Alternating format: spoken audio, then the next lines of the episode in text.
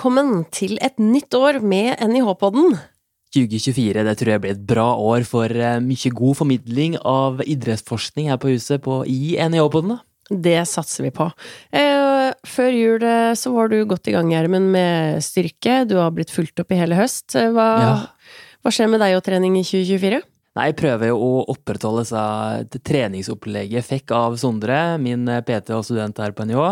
Og jeg kjenner at nå har jeg jo begynt å gå på ski. Jeg kjenner at jeg har litt mer trøkk i sakinga. Jeg har klart å henge på noen kompiser, eh, og jeg fikk nesten litt kompliment òg fra disse kompisene jeg går på ski med. Og eh, Det tar jeg til meg, for jeg får så mye tyn for at jeg er dårlig til å stake. Så når jeg får liksom litt kompliment, så da får jeg motivasjon. Og det høres veldig bra ut. Åssen er det med deg? Har du, er du sånn som setter deg treningsmål i det nye året og driver med nyttårsforsett og heilpakka der? Nei, jeg har blitt eh, litt sånn at det enkle er ofte det beste, så her er målet bare å fortsette med det å finne balanse mellom jobb, familie, trening. Det å finne noen smutthull og gode muligheter for å være litt aktiv. Det er jo en veldig god eh, tanke å ha med seg inn i et nytt år. Og klare å balansere den energien som man har. En kjenner at han har overskudd til å trene. Og det er jo egentlig det vi skal snakke om i dag. Det er å balansere trening og alt som skjer utafor. For iallfall topputøvere da, så er jo det vanskelig å klare å få i seg nok energi. Mm. Vi skal snakke om REDS, eller relativ energimangel, og veldig enkelt forklart så handler jo det om når du ikke klarer å spise nok i forhold til det du bruker da, av energi. Og eh, det vi skal snakke om er noen retningslinjer, og hvordan eh, man som trener, forelder, lærer, eller bare de som er rundt en utøver, kan hjelpe til med å forebygge dette. Og mange har kanskje hørt om den helseattesten da, som veldig mange utøvere må gjennomføre og få godkjent for å få lov til å konkurrere på høyt nivå. Og nå skal vi aller først i dag høre fra ei som har gjennomført denne helseattesten i mange år. Ja, nå har jeg fått Andrea Modin Engeseth, 22 år, NIH-student og hardt satsende mellom- og langdistanseløper, inn i studio. Velkommen, Andrea. Tusen takk. Du, du har jo NM-gull på 3000 meter hinder og i terrengløp, så du, du er jo en utøver på et godt nivå. Eh, og har konkurrert for Norge i mesterskap, og det har du gjort ganske lenge. Og da er det en ting du alle må gjennom. Du må gjennomføre en helseattest. Som er jo relevant for dem vi snakker om i dag, relativ energimangel. Fortell litt åssen funker den her helseattesten som du har vært igjennom da ganske mange år nå? Eh, nei, det funker sånn at du, drar til legen. Eh, det er eh, gjerne spesifikke leger du må til, som er godkjent av eh, jeg tror det er vel, ja, Olympiatoppen. Eh, der du eh, tar blodprøver, går gjennom en egen sånn, et skjema der du fyller ut da, eh, om skader og litt om sånn matvaner og, og så. Eh, og så eh, blir man også gjerne veid. Og så ja, så velger på en måte legen å enten godkjenne deg eller ikke, og eventuelt hvor lenge du får godkjent da, helseattest. Mm.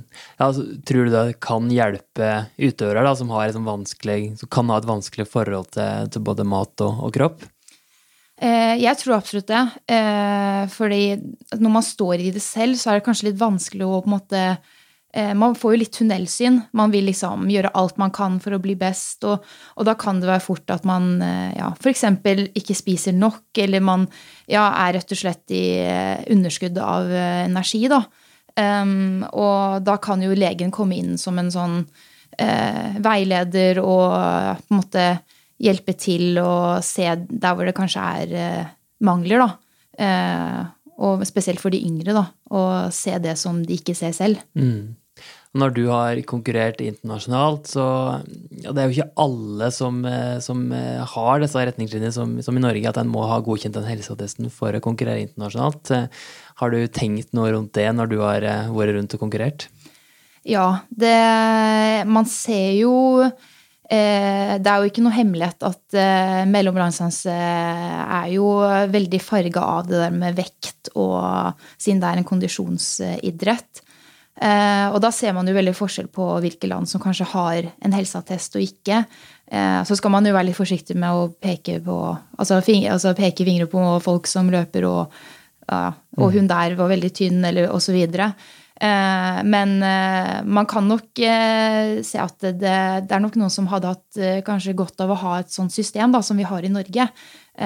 Slik at man kan ja, løpe lenger og ha en lengre og sunnere karriere. Du har jo satsa lenge nå, i flere år. Hvordan syns du det har vært å balansere treninga og energiinntaket? Har det vært vanskelig for deg opp igjennom? Det har jo helt klart vært vanskelig til tider.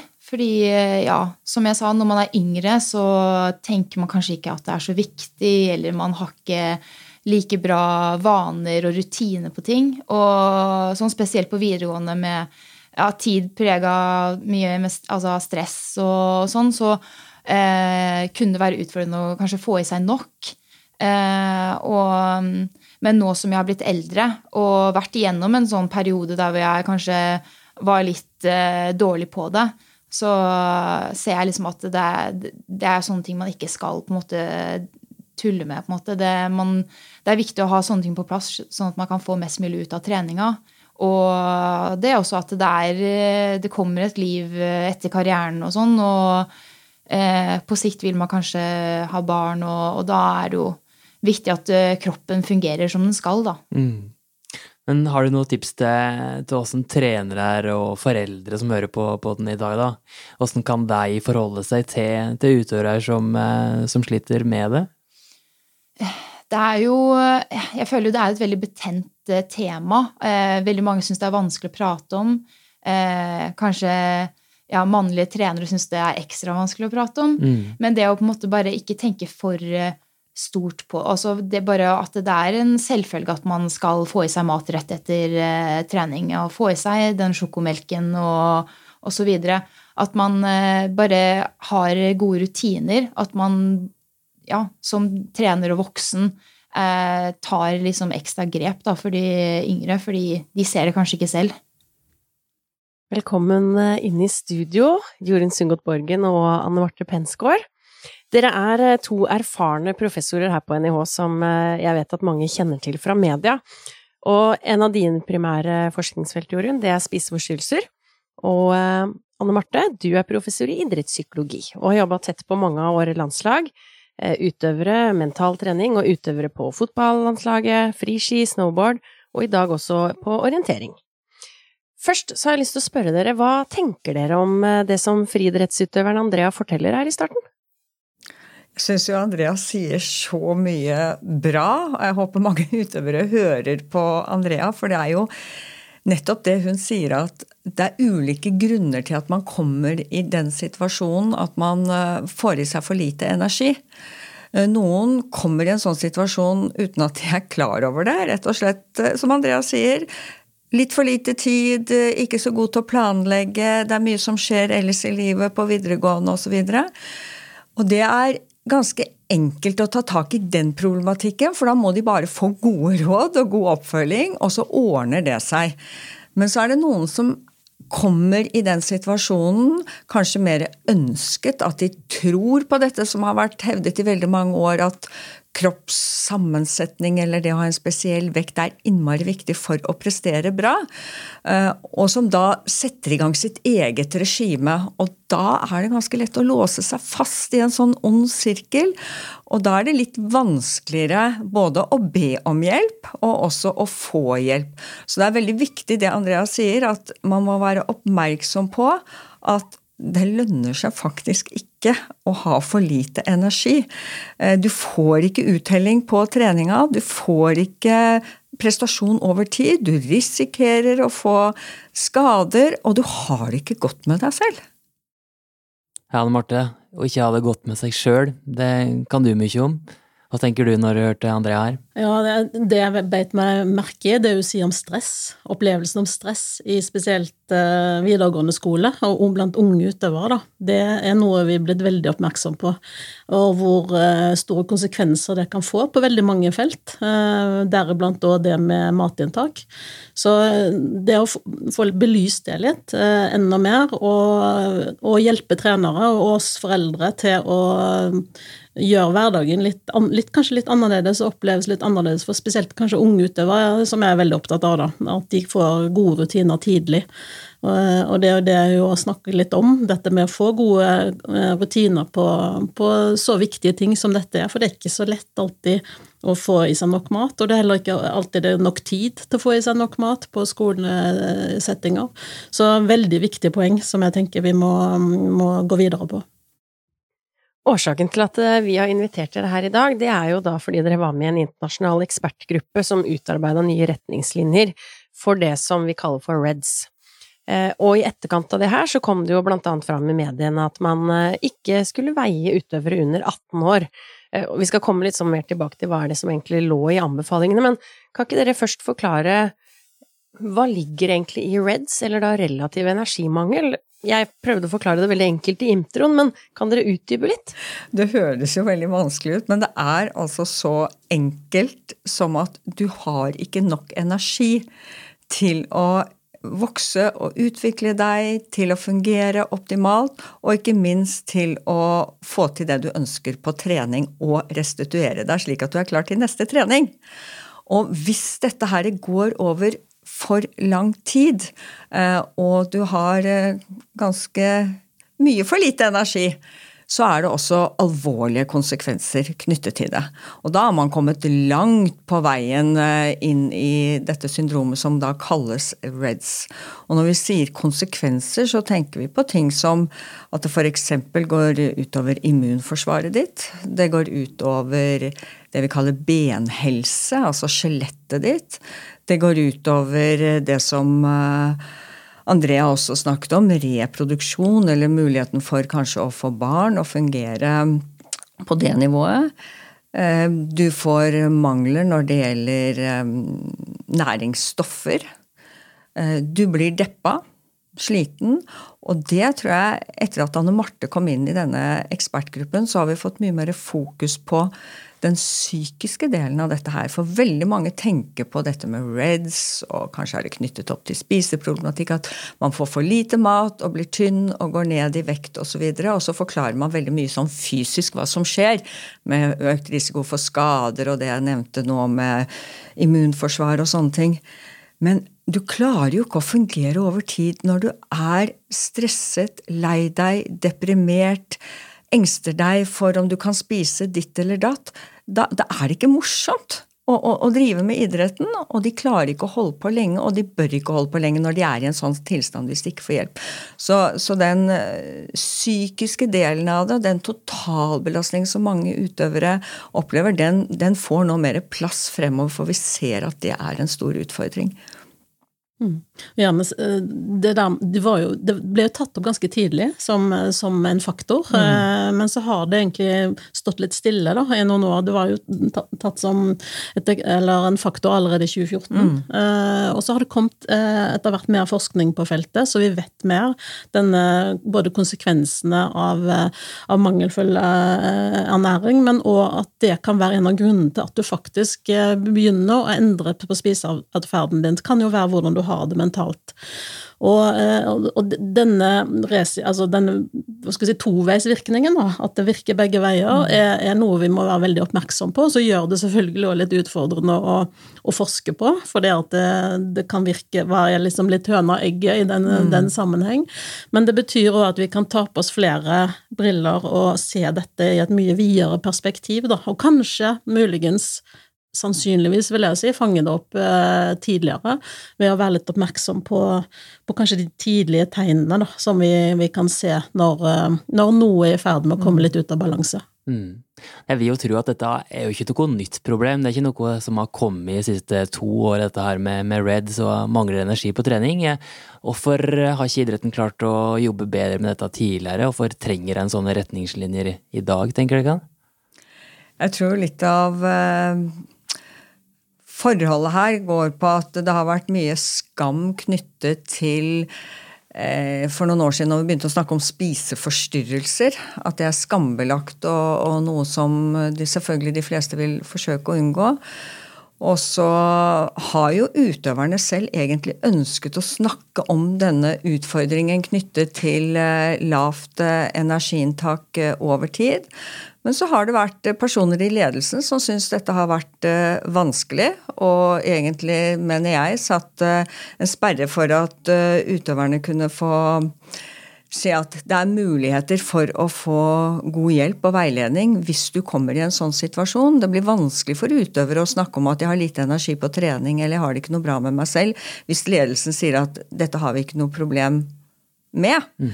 Nå er det heldigvis eh, en, en, klar bedring der, slik at vi ser eh, også at ledelsen ser at vi har en utfordring når det gjelder det med lav energitilgjengelighet, og også spiseforstyrrelser for den saks skyld.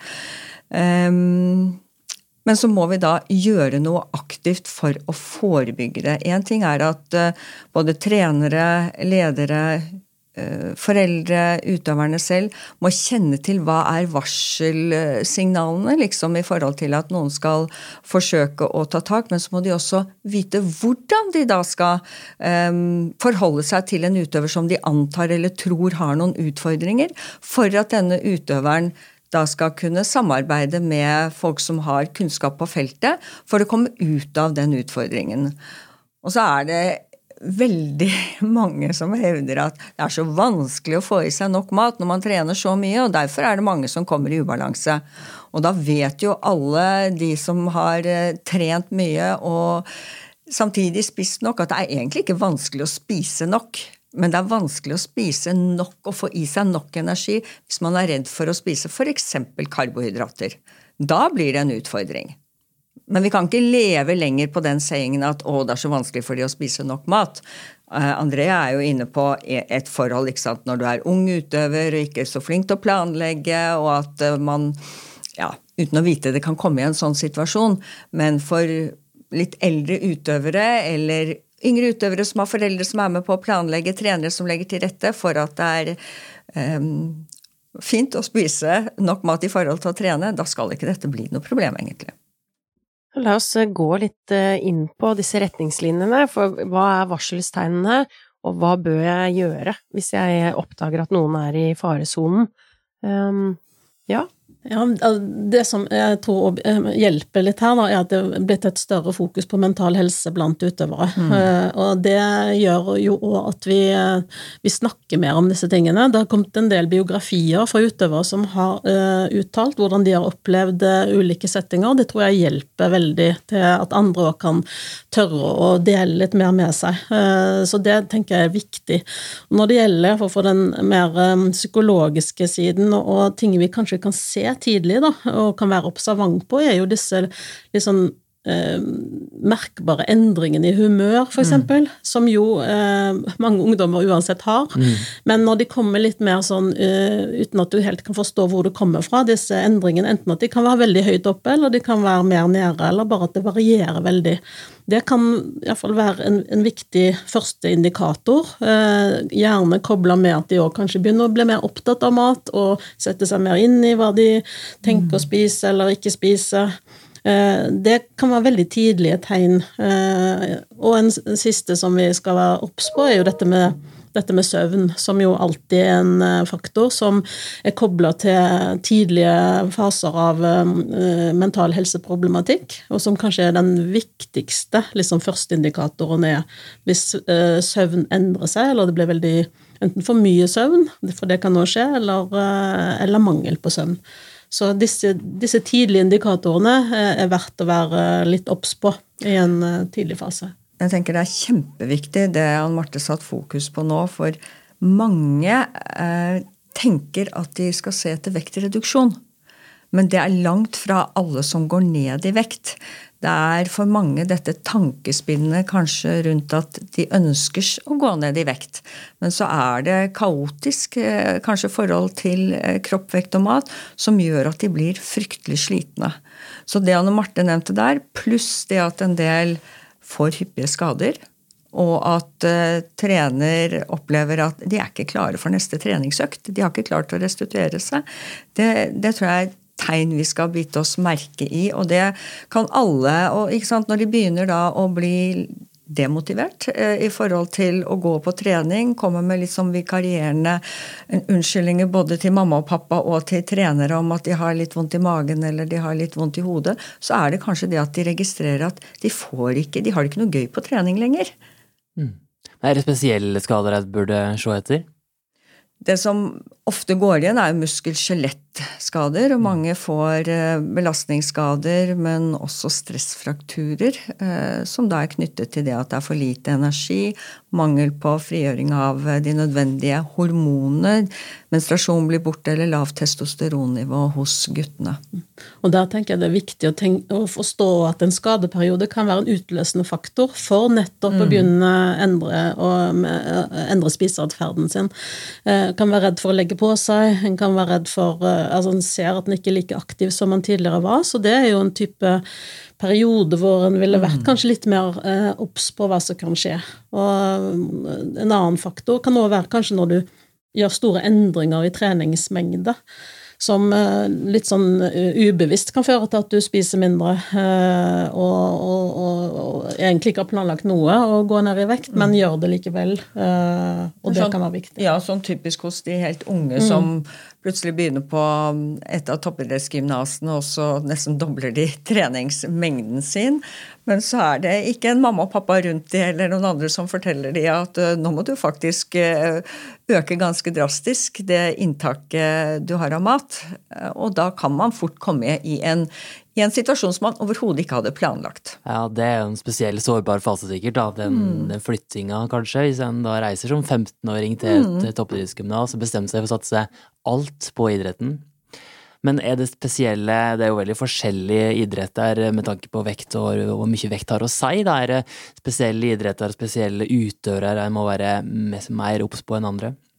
Vi har jo i mange år nå vært veldig obs på de som driver det vi har kalt vektsensitive eller vektklasseidretter, der hvor det på en måte er opplest og vedtatt at dette med å ha en spesiell vekt eller være veldig slank har hatt en stor betydning for eh, resultatet. Det vi ser nå på forskningen, det er at dette er en utfordring vi finner i alle idretter. Så trenere og foreldre som har utøvere i idretter hvor man før tenkte at dette var ikke noe utfordring, f.eks. fotball og, og håndball, vi finner det i alle idretter, så alle må ha øynene åpne for denne utfordringen. Hva gjør vi når vi nå skjønner at her har det gått for langt? Ja. Dette er jo en god start, da, tenker jeg. Altså det, det å, informasjon er viktig. Mm.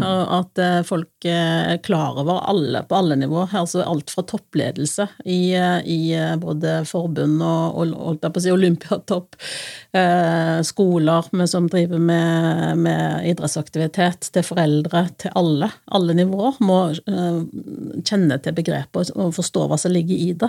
Det er jo en fryktelig viktig faktor. Eh, vi vet jo at det er, veldig, det er faktisk ganske få trenere som kjenner til begrepet, og i alle fall ikke har innsikt i risikofaktorene. Så der, der har vi en stor jobb å gjøre. Ja, og jeg tenker alle trenere ønsker å gjøre det beste for utøverne sine, og det ønsker også foreldrene.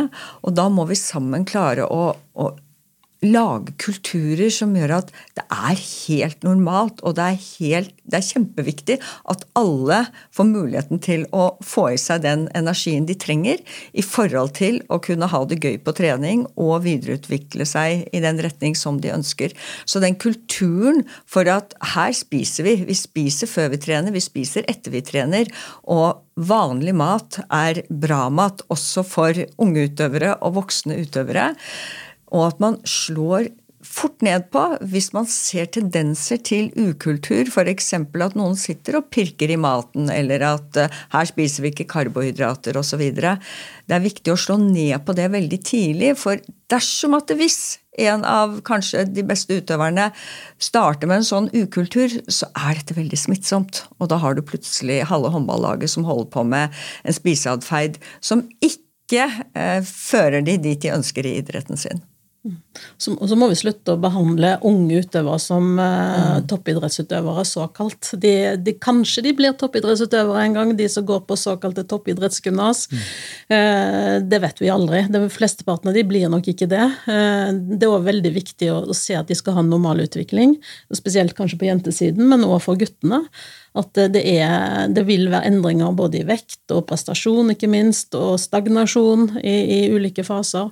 Og det å ha en ro og tålmodighet på utvikling, det er noe vi bør være rågode på. Og da må vi skape det klimaet som Jorunn snakker om, som gjør at vi er, vi er trygge på at det kan eh, gi utøvere som er friske, skadefri og så gode de kan bli ut fra sine forutsetninger. Det er mm. det vi ønsker. Eh, da kommer vi langt. Og så tror jeg vi begynte med dette at eh, vi nå råder til at eh, utøvere ikke skal veies, eller det skal ikke måles kroppssammensetning på de som er under 18 år og ikke elite, og, og, og heller ikke er eliteidrettsutøvere. Ja, Er det helt kategorisk? Ja, grunnen til det er at vi vet at det er en alvorlig risikofaktor i forhold til den problematikken vi nå diskuterer, og vi vet at altfor få av de som har utført utført målingene, har visst hvordan det da skal gjennomføres, hvordan det skal følges opp, hvordan skal man kommunisere til utøverne som er med på dette.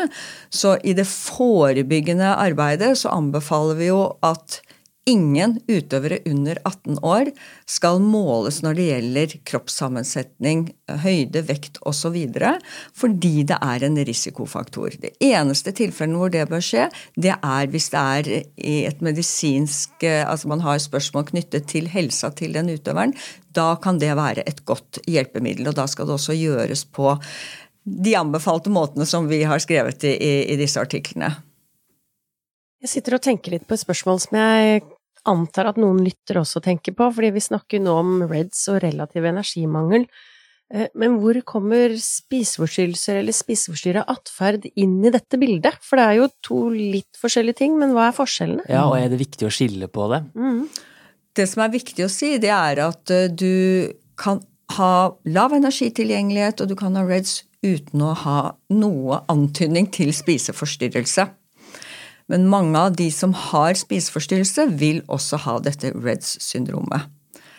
Eh, når du har en spiseforstyrrelse, da har du beveget deg Vi pleier å ha en sånn skala hvor vi sier at du går fra, fra det å ha et optimalt forhold til kropp, vekt, mat og relasjoner, og så beveger du deg sakte, men sikkert i den mer destruktive uhelseretningen. Og, og når det begynner å bli slik at det som betyr mest for deg, er altså mat, kropp, vekt. Det er det som opptar deg 24 timer i døgnet. Det blir viktigere enn f.eks. å prestere i idretten. Eh, viktigere enn å ta vare på helsa si. Da beveger du deg godt inn i det vi kaller enten forstyrret spiseatferd eller klinisk spiseforstyrrelse. Mm. Det var en god oppklaring. Men Anne Marte, du som idrettspsykolog og har jobba med så mange forskjellige typer utøvere her, eh, er det noe fellestrekk du ser, du har ordet litt inne på det, altså, men med, med deg som, som, sliter med, med REDS på den mentale helsa? Det jeg tenker, eh, som vi ser alle utøvere liksom, eller opplever i en, en setting, er et eh, stort forventningspress mm. på å prestere. Eh, det ligger jo i toppidrettens natur. Så det som, eh, det som, jeg tenker hele tiden er oppgaven til oss som er rundt utøvere, er jo å skape en trygg og god nok eh, atmosfære som gjør at de, vi klarer å ta av mest mulig av det det stresset som er rundt, sånn at de òg kan bli trygge nok til å ikke pushe grensene altfor vidt for å nå sine mål og, og det de ønsker. Og flere utøvere har jo gitt uttrykk nå for at eh, de må stoppes. Mm. Eh, Gro Hammerseng har, skrevet, eh, Gro Hammerseng, har skrevet en veldig fin kronikk i en, en, en ortopedisk journal, hvor hun mm. faktisk sier der at eh, hun skulle ønske at hun har blitt stoppa noen ganger. For det at du som utøver har sånn drive til å kjøre på, eh, og det var relatert til skader, men de har en motivasjon som er ekstrem. Og Astrid Ronald Jacobsen sier jo det i vår artikkel, at eh, det er eh, det, som du sier, det er ingen medalje for å, vinne, for å følge medisinske råd. Mm. De har en sterkere drive for å nå mer umiddelbare mål, som gjør at du kanskje er villig til å pushe grensene ganske langt. Så når du er rundt topputøvere, så skal du ha, veldig, et, blikk, ha et veldig blikk for akkurat det. At, det, at stresset ikke blir så sterkt at du pushe grensene utover det som er bra. Eh, og det er en, eh, en smal sti. Ja, jeg tenker det må være en vanskelig oppgave her for uh, utøvere som har jobba så lenge mot et så stort mål, har en vanvittig indre drive for å ta det gullet, og vi gjør alt i sin makt for å, for å gjøre det. Det er helt klart, og noen av disse fasene er, er ikke sunne, iallfall ikke over tid. Og, og det må være voksne, trygge folk rundt dem til å ta en del avgjørelser og stoppe når ting ikke er bra. Og det er et stort, stort ansvar, mm. eh, men det må en være villig til å ta når en er i de settingene. Og så må vi òg være gode til å hele tiden utdanne og informere utøvere, så de iallfall har mulighet til å vurdere noen situasjoner, selv om de ikke nødvendigvis alltid klarer å ta det valget der og da sjøl aleine uten god støtte. Fordi, nettopp fordi at de tenker litt mer kortsiktig enn, og jeg klarer ikke helt å se de langsiktige konsekvensene. Og så har du jo den utfordringen at i starten på en sånn eh, ferd, så mm. har du kanskje en økning i prestasjon. Og du får kanskje gode, positive tilbakemeldinger på kropp og på utseende som gjør at det er veldig vanskelig å da endre noe som du har eh, fått positiv feedback på, eh, som du kanskje har lyst til å opprettholde. Så det, det er komplekst. Jeg syns det var en veldig god eh, oppsummering fra Anne Marte der på hot eh, dekkene som er rundt eh, ambisiøse utøvere bør tenke på og følge med på. Mm. Det å ha et bevisst forhold som utøver til å spise nok, og, og ofte nok. Det bør være et godt nytt forsett å ha med seg ut mm. i treningsår, konkurranseåret 2024, for dagens første, årets første episode av Neopoden. Følg med på Instagram for eh, oppdateringer fra oss, og vi høres om 14 dager. Ja, og takk til Jorunn og Ann Marte for at jeg kan eh, tok turen i NIH-poden i dag. Vi høres. Det gjør vi.